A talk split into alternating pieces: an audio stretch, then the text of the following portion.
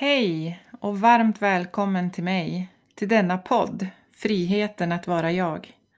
Jag heter Camilla Johansson, är mitt i livet och jag vill prata om just livet, om att faktiskt leva, inte bara överleva. Livet med allt vad det innebär.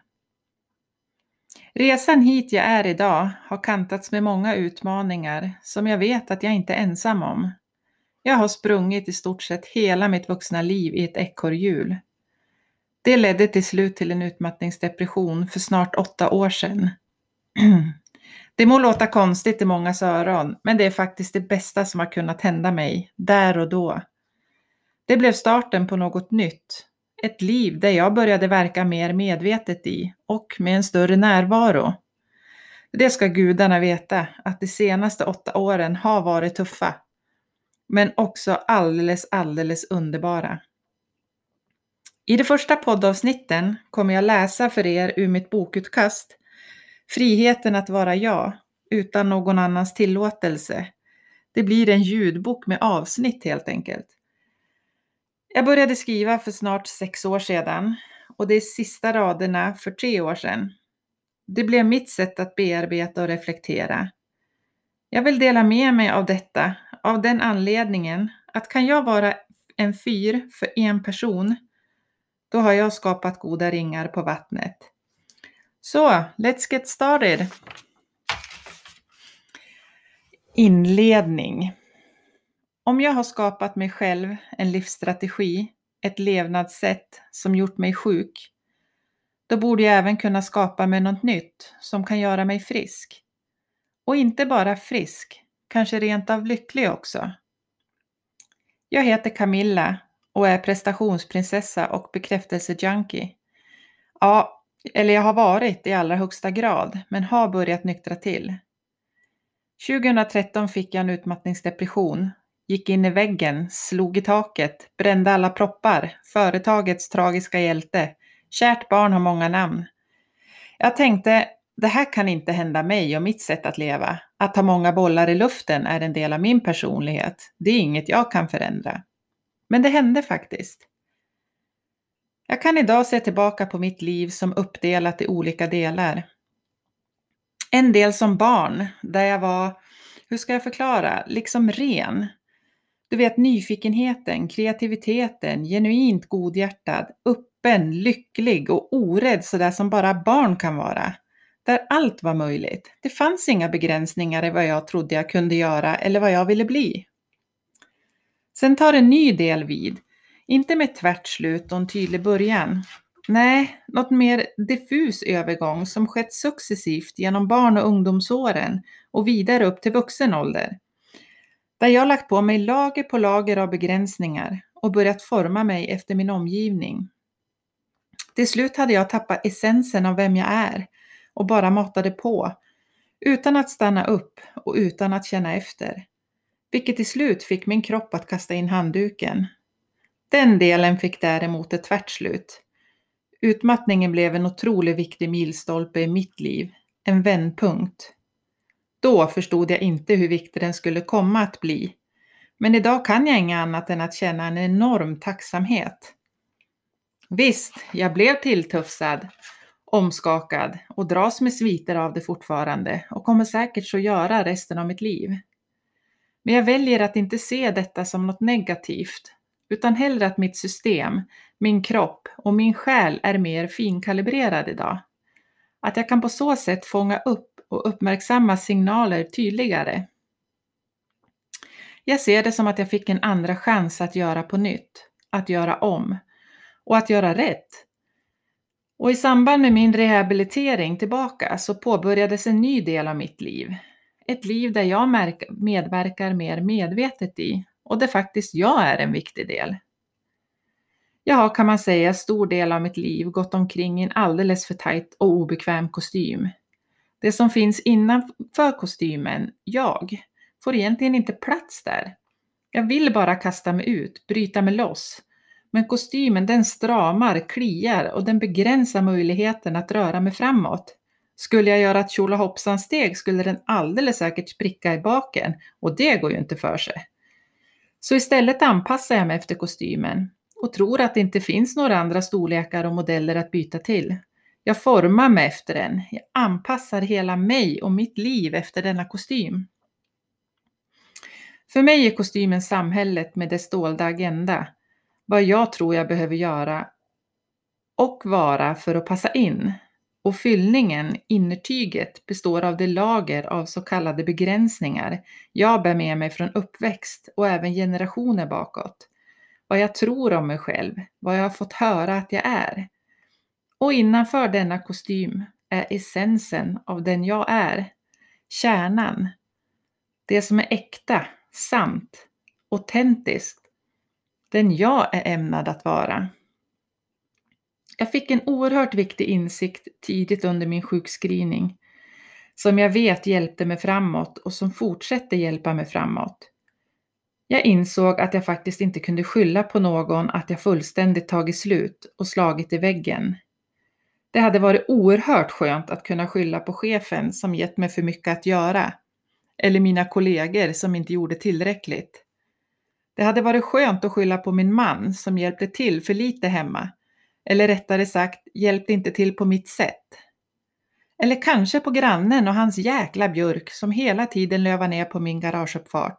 Som gav mig ångest för att jag inte hann kratta undan hela tiden. Tänk om det hade kunnat vara deras fel.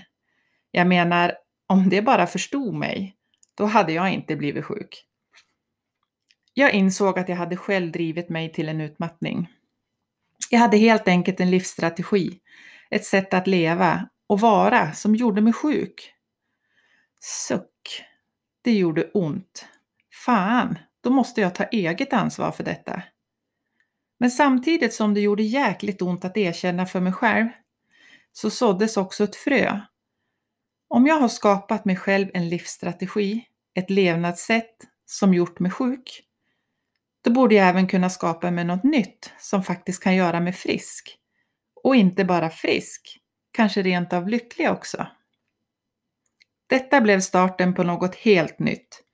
Att faktiskt inse att den illasittande kostymen jag bar fanns i fler storlekar och modeller. Ja, till och med att jag inte ens behövde bära den. Att börja syna den i sömmarna och sakta men säkert börja sprätta loss del för del för att hitta tillbaka till den jag är och börja skapa mitt liv på nytt utifrån det. Jag vill med denna bok dela med mig av mig, mina erfarenheter, insikter och den resa jag har påbörjat. Det handlar om så mycket mer än om en utmattning och varför man hamnar där och hur man kommer tillbaka. Jag vill verkligen att du ska förstå vilka fantastiska möjligheter du har att påverka och skapa ditt liv som du faktiskt vill leva det. Du är värd det allra bästa och borde inte nöja dig med mindre än det. Du behöver bara veta vem du är och förstå att du har rätt att vara den du är. Utmattning. Det händer inte mig. Det här kan inte hända mig och mitt sätt att leva. Att ha många bollar i luften är en del av min personlighet. Det är inget jag kan förändra. Jag fick många gånger höra från min omgivning att jag skulle dra ner på takten, ta det lite lugnare, vila lite mer. Men jag förstod inte alls vad de pratade om. Snarare så blev jag smickrad av dessa ord och jag ville driva på mig själv ännu hårdare. Deras ord fick mig att vilja prestera mer, jag tolkade det som en bekräftelse på att jag var väldigt driven och väldigt duktig. Jag kände mig rent ut sagt jäkligt duktig när andra ville att jag skulle dra i bromsen. Då var jag oövervinnerlig. Jag kommer ihåg i åren innan det tog stopp. Jag fyllde 40 år och vi hade bjudit in till 40-årskalas med en twist. Vi överraskade det med en vigsel på denna 40-årsfest. Det var själva twisten. När vi stod där inför alla gäster och prästen pratade om oss och vad jag och min man såg hos varandra så kommer jag ihåg den fantastiska känslan av att vara oövervinnerlig. Min man hade enbart tagit upp mina drivande utförande egenskaper, mina prestationer, som han var så stolt över. Han sa bland annat om jag hade varit arbetsledare på det brobygge som utfördes i Östersund för många år sedan då hade bygget varit klart två år tidigare. Jag hade inte bara lett arbetet utan även utfört det. Ah, lyckan var total. Snacka om boost. Den ultimata kärleksförklaringen till en prestationsprinsessa. Så i min värld så var jag övertygad om att jag var inte en av dem som kunde bränna ut sig. Så jag tänkte, det här kan inte hända mig och mitt sätt att leva. Att ha många bollar i luften är en del av min personlighet. Det är inget jag kan förändra. Men det hände faktiskt. Jag tänker på det personliga brev jag skrivit i mina dagar och där ett stående citat från mig har varit Att göra en sak i taget är inget för mig. Jag har istället förfinat och förädlat konsten att göra många en sak i taget. Och jag var verkligen galet stolt över detta. Det var liksom min grej. Och det är fortfarande min grej. Jag är en tusenkonstnär, en scanner. Men idag är det utifrån en helt annan grund, en annan struktur och jag gör av andra orsaker än tidigare. Men vi kommer dit längre fram. Energin tog ändå slut en dag och då menar jag tvärslut. Jag var så fruktansvärt trött att jag inte orkade sitta upprätt på kontorstolen. Det kändes som någon la en hand på mitt huvud och pressade ner mig mot golvet. Det här var lyckligtvis en fredag, så jag unnade mig att flexa ut tidigare för att vila upp mig under hela helgen. Jag behövde nog bara sova lite.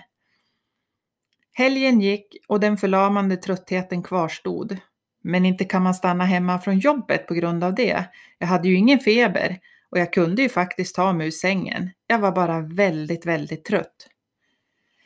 Som tur var så hade jag en envis och bestämd mamma. Och även min man som mer eller mindre tvingade mig, under hot ska jag tillägga, att sjukskriva mig en vecka för att bara vila.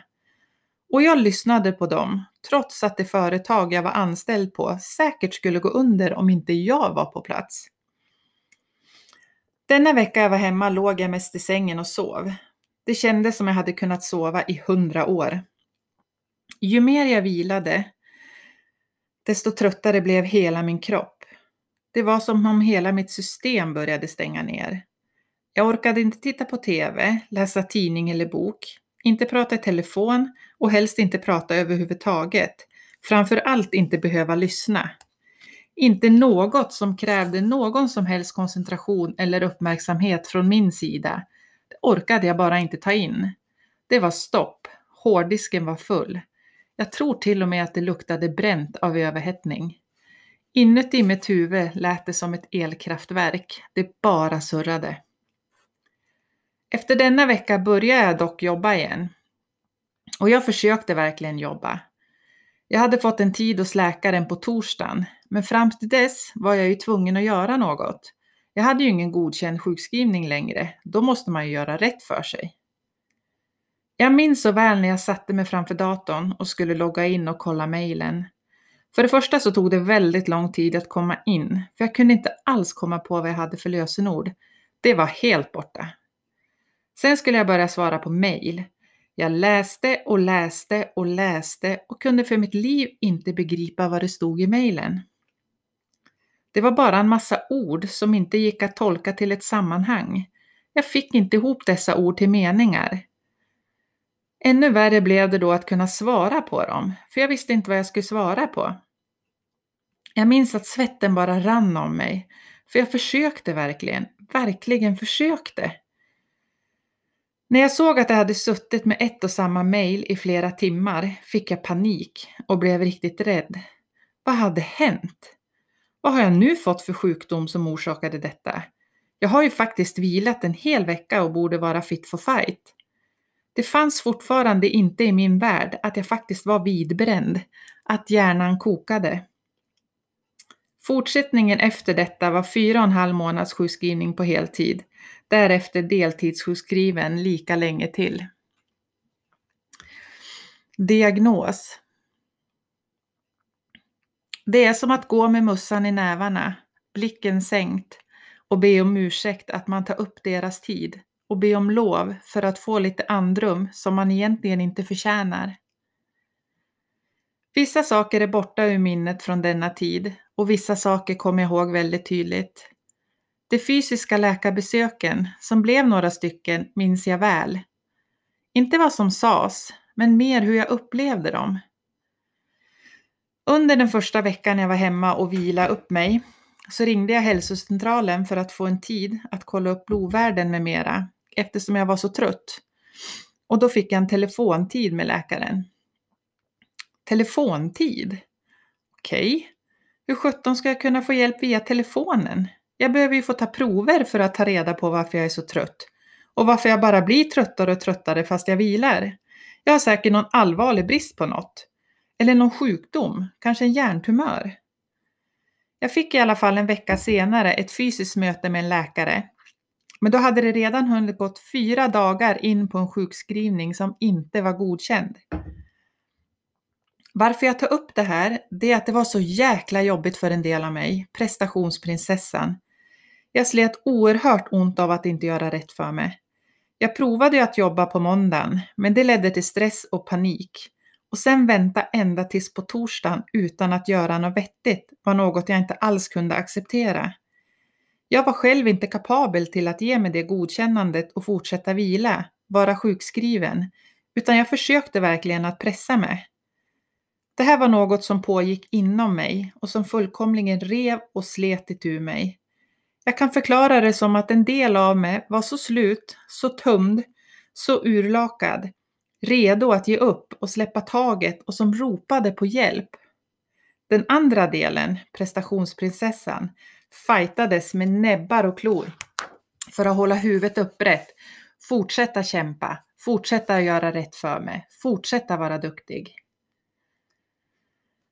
Jag minns att jag satt utanför väntrummet på hälsocentralen och var så oerhört trött att jag fick hålla huvudet vilande i händerna för jag orkade liksom inte hålla det upprätt utan stöd.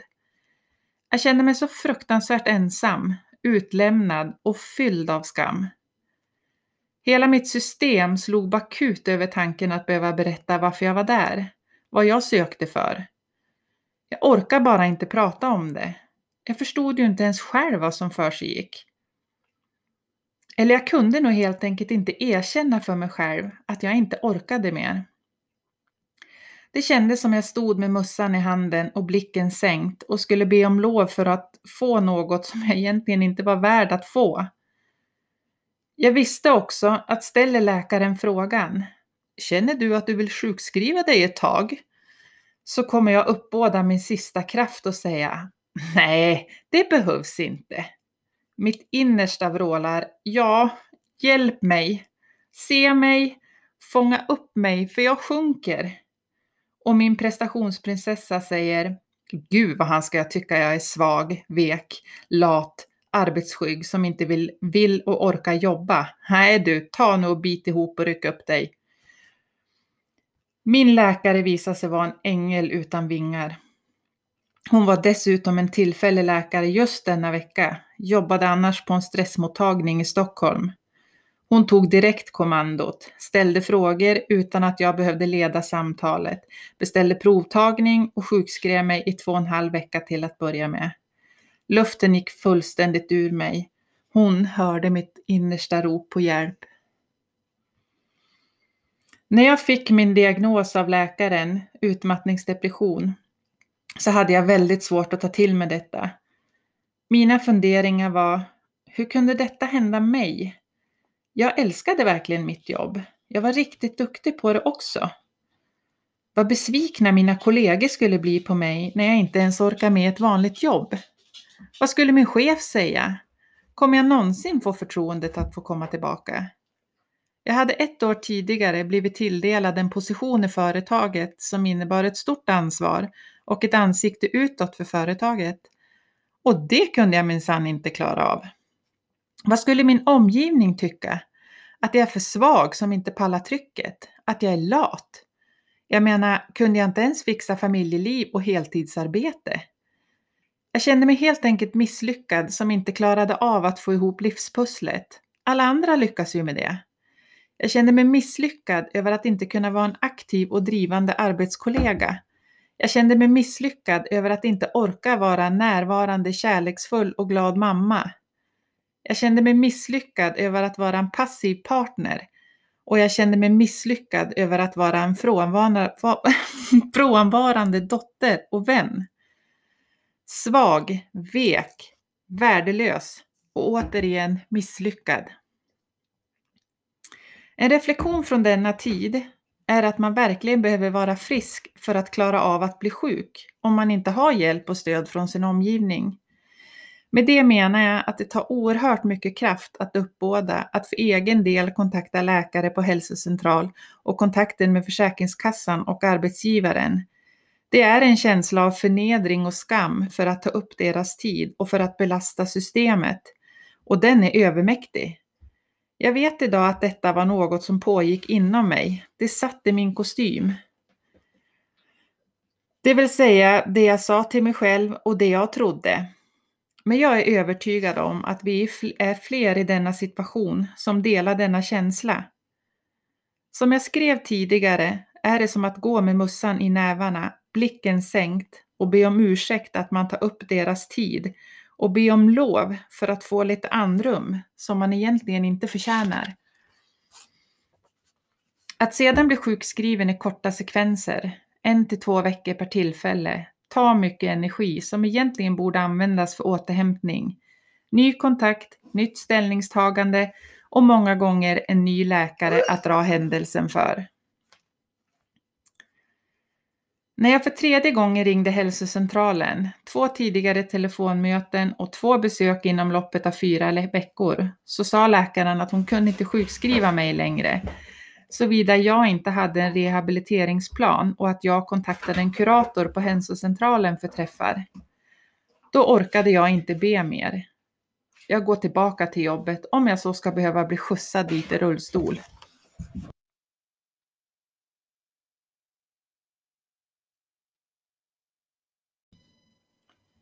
Med tanke på att jag brottades med otroligt mycket känslor av misslyckande så var det rent ut sagt skitjobbigt att ta ställning till om jag skulle klara av att gå till jobbet eller inte, vilket jag behövde göra inför varje läkarkontakt. Det pågick en vild inre strid med min prestationsprinsessa som drev mig att skärpa till mig, fortsätta mata på, bita ihop, vara duktig och en annan del som sakta men säkert sjönk djupare och djupare det var ångestladdat den första tiden på grund av just detta. Att inte veta, att inte kunna slappna av. Vad kommer att hända och kommer att lösa sig ekonomiskt? Som jag sa, jag var inte i det läget att jag kunde tillåta mig att bara vara. Jag behövde någon utifrån som gav mig det godkännandet. Så de första fyra veckorna gav mig ingen inre frid som kunde hjälpa min återhämtning, utan mycket vånda och oro som dränerade mig ännu mer.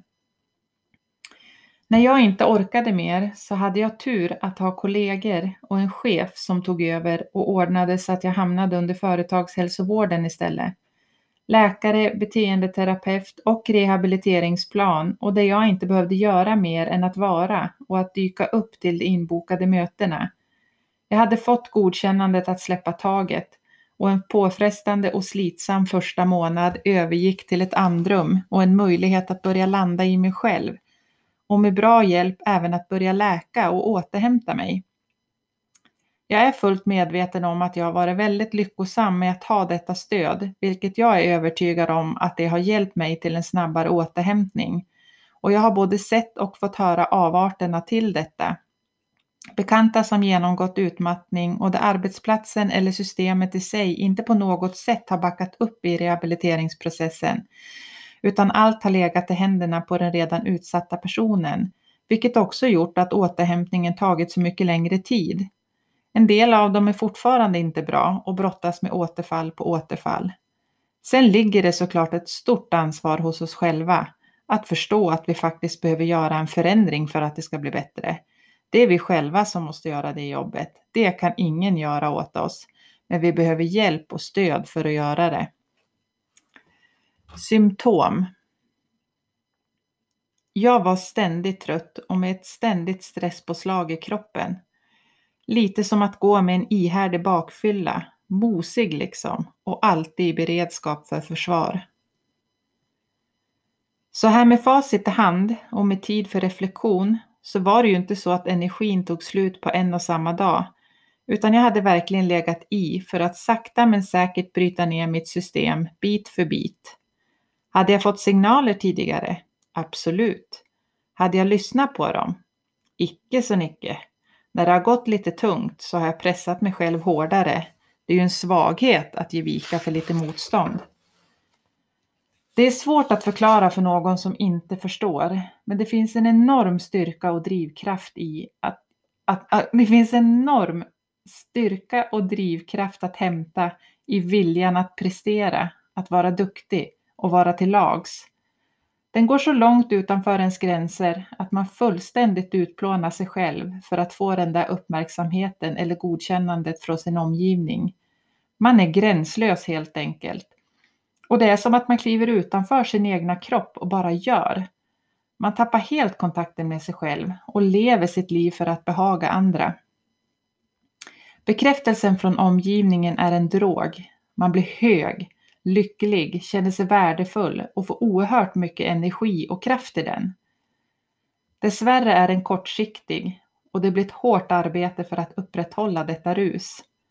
Har man då som mig föreställningen att mitt egna värde graderas utifrån dessa bekräftelser på att vara duktig så blir man också väldigt svajig i sitt välmående.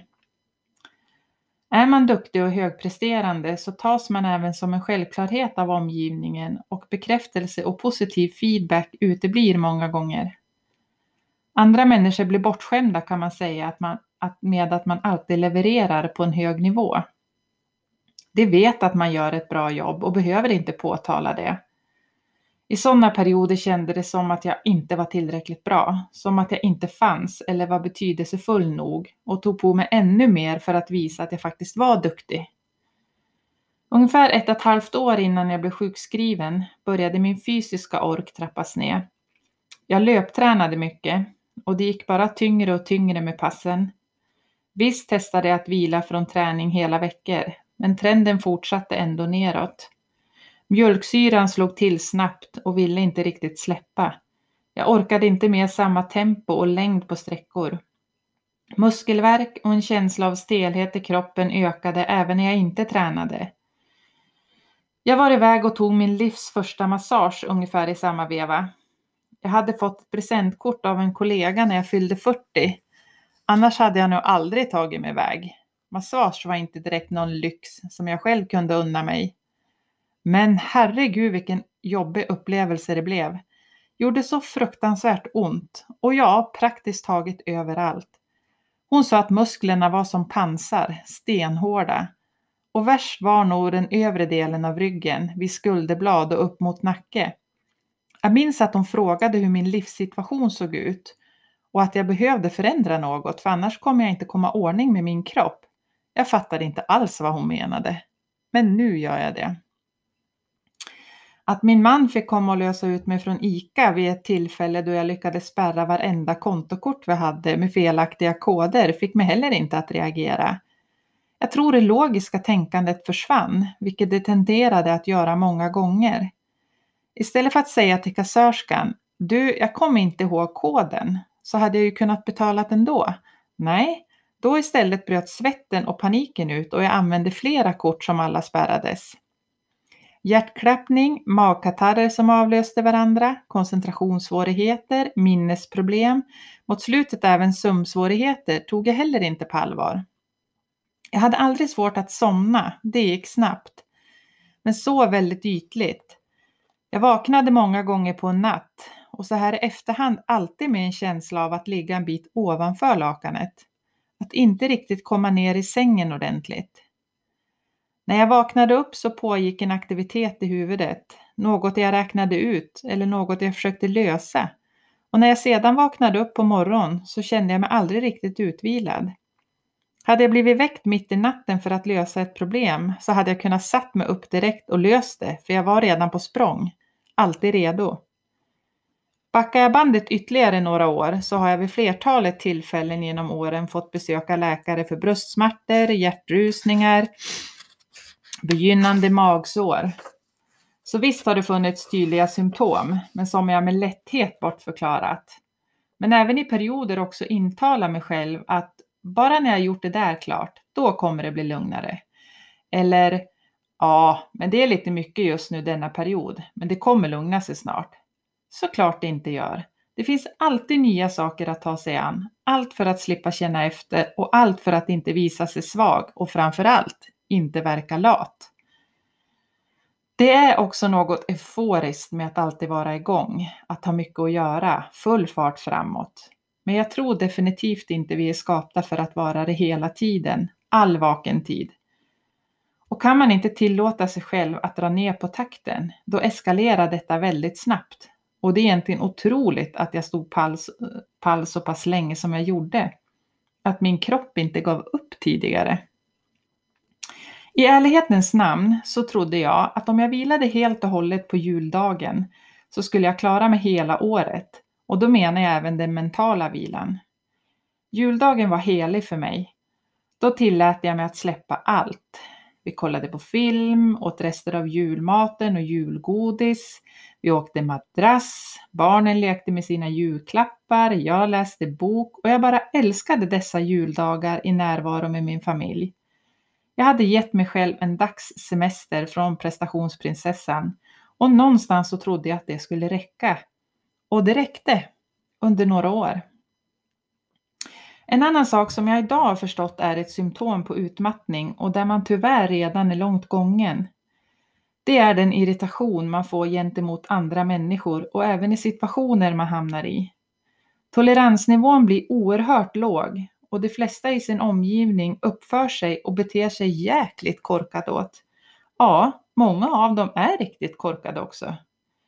Till och med ens kollegor blir helt plötsligt knäppa och levererar överhuvudtaget inte på den nivå som de borde göra om de hade något att komma med. Om alla bara kunde snäppa upp ett steg så skulle mitt liv bli betydligt enklare. Jag älskade verkligen mitt jobb som supportledare. Och det bästa med det jobbet var kontakten med kunderna. Jag gick verkligen igång på att få hjälpa dem med lösningar som underlättade deras arbete. Det var med en naturlig lätthet jag kunde bygga upp bra relationer med våra kunder. Det fanns inga dumma frågor och var någon otrevlig när den ringde så slutade samtalet alltid med en nöjd kund och jag var lika nöjd som kunden. Det var verkligen sann eufori att göra skillnad för någon annan och det tycker jag fortfarande.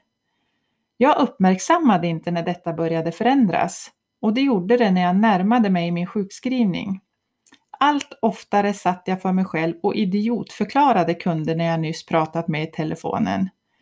Alltså jag kunde inte begripa hur korkade en del kunde vara. Så oerhört dumma frågor att de inte förstod bättre. Jag menar, om bara kunderna kunde skärpa sig och sluta ringa så skulle mitt jobb bli så mycket enklare. Jag blev även intolerant mot andras förmågor och prestationer. Kunde bli skogstokig på människor som jobb inte jobbade lika hårt och snabbt som mig. Och tro mig, det var få som kunde det. Och hade det sedan mage att klaga på att det hade för mycket att göra och inte hinner med så slog jag taket. Kom för fan inte till mig och gnälla att du har mycket att göra när du slösar med din tid. Herregud, vad då inte hinner? Om du slutar med att sitta och socialisera dig på morgonfikat och göra det istället vid datorn, datorn eller ge fasen i att ta en full lunchtid och skippa eftermiddagsfikat. Träna på lunchen? Skojar du? Räkna ihop all dödtid du har på en dag och kom sedan tillbaka om du fortfarande tror att du har för mycket att göra och för lite tid till det. Jag var nog först in på jobbet och sist hem. Och dessa som ramlade in i ramen innanför, det var lata och oengagerade i mina ögon. Men vad hade jag för livskvalitet i detta så här med facit i hand? Jag var ständigt trött och med ett ständigt stresspåslag i kroppen. Lite som att gå med en ihärdig bakfylla, mosig liksom och alltid i beredskap för försvar. Det fanns inte mycket som jag tyckte var roligt, utan kände mest ett motstånd i att behöva göra saker. Jag hade heller ingen egen inspiration att vilja göra något. Ni vet en sån där känsla som kan infinna sig. Gud vad mysigt det skulle vara med en härlig picknick vid vattnet, till exempel. Nej, inget sånt. Vad än jag hittade på så kan jag enbart minnas hur ofantligt trött jag var och mitt usel tålamod och min nedstämdhet. Även fast jag gjorde saker som egentligen borde ge mig energi så fick det motsatt effekt på mig. Det dränerade ännu mer. Det går nog att räkna på en hand hur många gånger jag skrattade på en månad. Och ändå så gick jag och intalade mig själv att allt var bra. Att jag hade toppenliv. Att det bara är att kämpa på. Jag visste inget annat. Jag förstod inte att det fanns andra sätt att leva på. Jag var ständigt i huvudet och planerade, räknade, räknade ut, löste saker. Var jag inte dåtiden och hämtade gammal information, det som varit, och ältade det, så var jag i framtiden och planerade den minutiöst hur den skulle bli. När jag nått ett mål framåt stannade jag aldrig upp och reflekterade, utan strax innan var jag utan strax innan jag var där var jag redan inne och planerade nästa steg. Jag kan ärligt inte minnas när jag bara var här och nu. Och jag tror aldrig någonsin att jag har stannat upp och njutit. Njutit av det jag åstadkommit eller njutit av en god bit mat eller bara njutit av ett trevligt sällskap. Jag matade hela tiden på, producerade, utan att varken stanna upp eller känna efter hur jag egentligen mådde. Ni vet, jag var så flitig och effektiv i mitt hjärnkontor att när jag pratade med folk så hade jag redan tänkt ut första halvan av budskapet och började prata när jag kommit mitt i ungefär. Inte helt lätt att tolka för mot mottagaren vad jag menade alla gånger. För mig var det solklart och blev irriterad över att folk inte förstod. Jag var som en svamp när det kom att dra till sig uppgifter. Jag slukade dem med hull och hår. Det här med att hjälpas åt med en uppgift var inte riktigt min grej. Då var jag beroende av någon annans leverans eller insats och det blev ändå aldrig på mitt sätt. Så det var bättre att göra det själv. Det intressanta i detta är att jag tyckte jag var så oerhört effektiv eftersom jag kunde ha så många bollar i luften och göra så otroligt mycket på så kort tid, vilket jag också kunde. Men det jag inte såg och förstod var att jag kanske inte slutförde så mycket. Det fanns aldrig någon ram på det jag gjorde eller ett avslut. Så allt vävdes in i varandra till en evighetslång rad av uppgifter där det inte fanns någon ände. Jag duttade på här och där och hoppade mellan hit och dit. Så jag orkade sällan igenom något fullständigt, för jag nådde aldrig fram. Det dök alltid upp något nytt att kasta sig över. Det fanns liksom ingen horisont eller ände. Denna splittring som blir med att aldrig sätta en ram och göra avslut gör att energin tar slut. Jag kommer tillbaka till mitt stående citat att förfinat konsten att göra många en sak i taget. Det var jag grym på. Men att avsluta, ett helt annat kapitel. Jag tyckte det var oerhört irriterande med personer som bara kunde göra en sak i taget. Herregud, vad är det för fel på deras multitasking? Till saken hör att de säkert hade flera saker igång, men såg till att fokusera på en sak i taget och driva det i land innan nästa togs vid. Det är att jobba effektivt. Det förstår jag idag. Ett start, ett stopp och en ram kring det. Då hinner man få mycket gjort och känslan av splittring är obefintlig. Ja, det blev ett sidospår i symptomen, men ändå så viktigt eftersom nedsatt koncentrationsförmåga blev en biverkning av mitt sätt att vara produktiv på och mitt sätt att vara.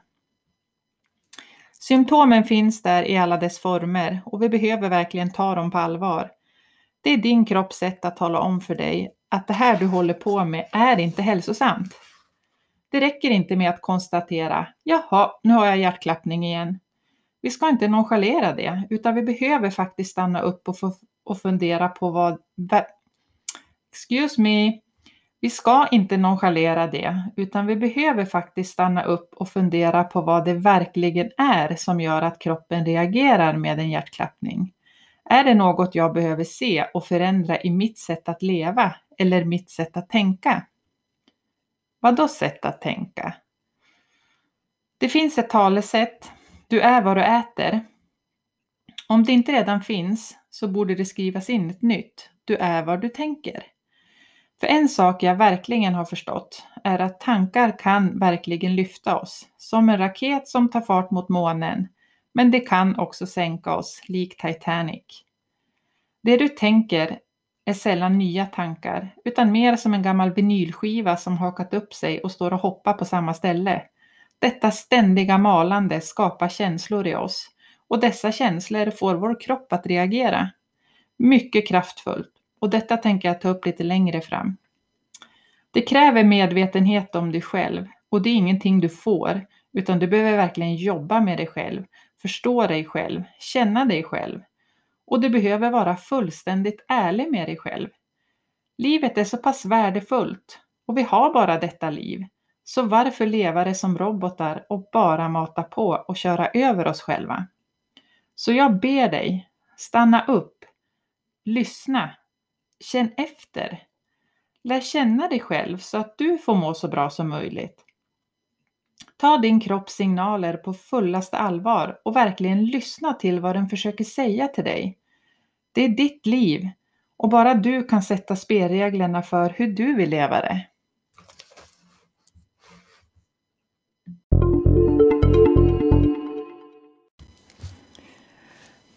Tack så mycket för att just du lyssnade. Jag hoppas att du fick med dig någonting av värde för dig.